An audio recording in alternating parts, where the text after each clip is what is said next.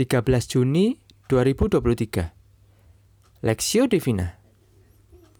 Daniel pasal 12 ayat 1 sampai 13 Pada waktu itu juga akan muncul Mikael, pemimpin besar itu yang akan mendampingi anak-anak bangsamu dan akan ada suatu waktu kesesakan yang besar seperti yang belum pernah terjadi sejak ada bangsa-bangsa sampai pada waktu itu. Tetapi waktu itu bangsamu akan terluput, yakni bersama yang didapati namanya tertulis dalam kitab itu. Dan banyak dari antara orang-orang yang telah tidur di dalam debu tanah akan bangun, sebagaimana untuk mendapat hidup yang kekal, sebagian untuk mengalami kehinaan dan kengerian yang kekal. Dan orang-orang bijaksana akan bercahaya seperti cahaya cakrawala, dan yang telah menuntun banyak orang kepada kebenaran seperti bintang-bintang, tetap untuk selama-lamanya.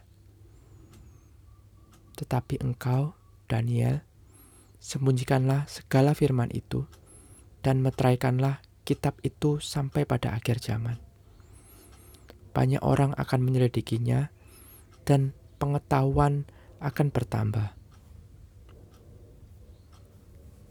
Kemudian aku, Daniel, melihat, maka tampaklah berdiri dua orang lain, seorang di tepi sungai sebelah sini, dan yang lain di tepi sungai yang sebelah sana. Dan yang seorang bertanya kepada yang berpakaian kain lenan, yang ada di sebelah atas air sungai itu.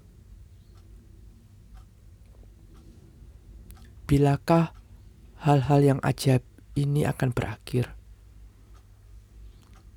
Lalu ku dengar orang yang berpakaian kain lenan yang ada di sebelah atas air sungai itu bersumpah demi dia yang hidup kekal sambil mengangkat tangan kanan dan tangan kirinya ke langit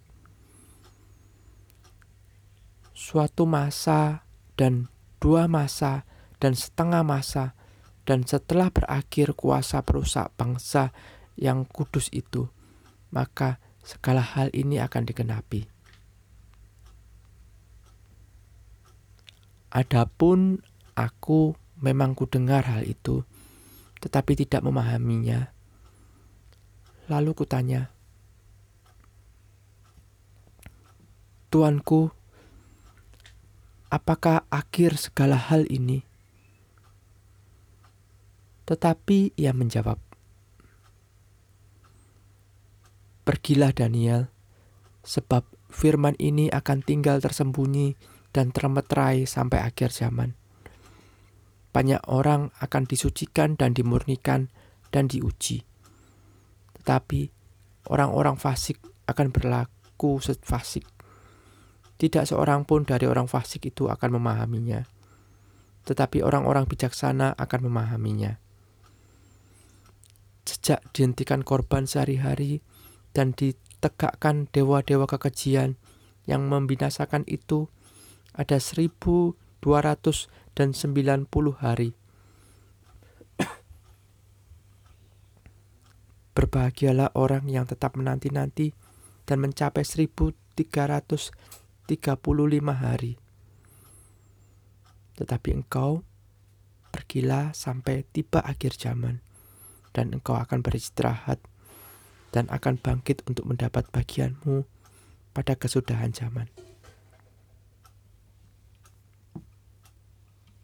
Akhir zaman perspektif. Berbahagialah orang yang tetap menanti-nanti dan mencapai 1335 hari Daniel pasal 12 ayat 12. Masuk pasal ini kita diajak untuk melihat Tuhan telah menetapkan jalannya sejarah yang akan terjadi pada bangsa Israel di masa sukar. Sekaligus berita tentang pengharapan bagi mereka yang percaya kepada Tuhan.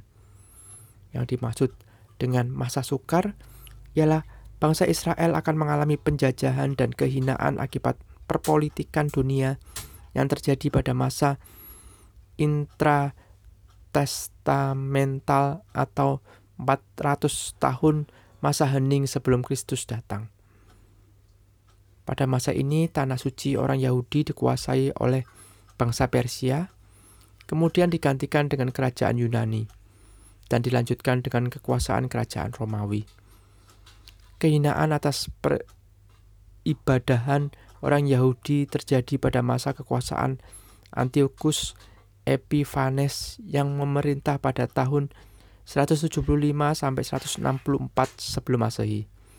Ia melakukan Helenisasi atau penerapan budaya dan kepercayaan bangsa Yunani terhadap, terhadap wilayah kekuasaannya.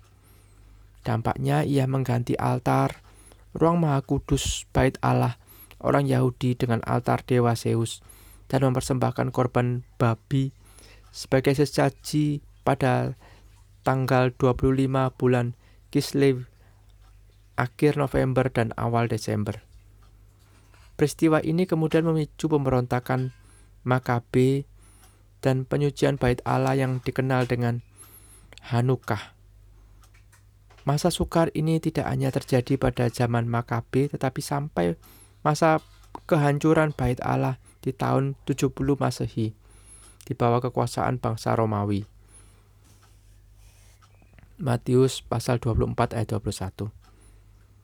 Melewati masa sukar tersebut, Tuhan tetap memelihara umatnya. Ayat 1. Namun yang terpenting dalam pasal 12 ini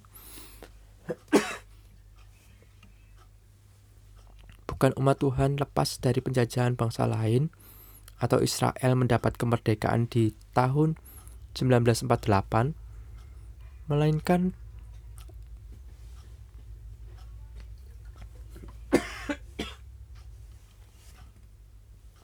relasi mereka dengan Tuhan dan keselamatan melalui Yesus Kristus. Penyebutan peristiwa kebangkitan orang benar dan orang fasik pada akhir zaman bukan hanya peristiwa umum, melainkan terhubung dengan Yesus Kristus. Yohanes pasal 6 ayat 40, Wahyu pasal 22 ayat 10 sampai 13.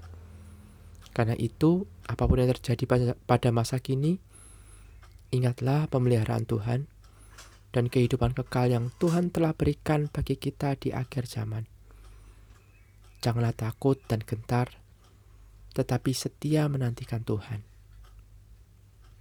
Studi pribadi, apakah yang Tuhan lakukan pada umatnya yang setia ketika mereka berada di masa yang sukar?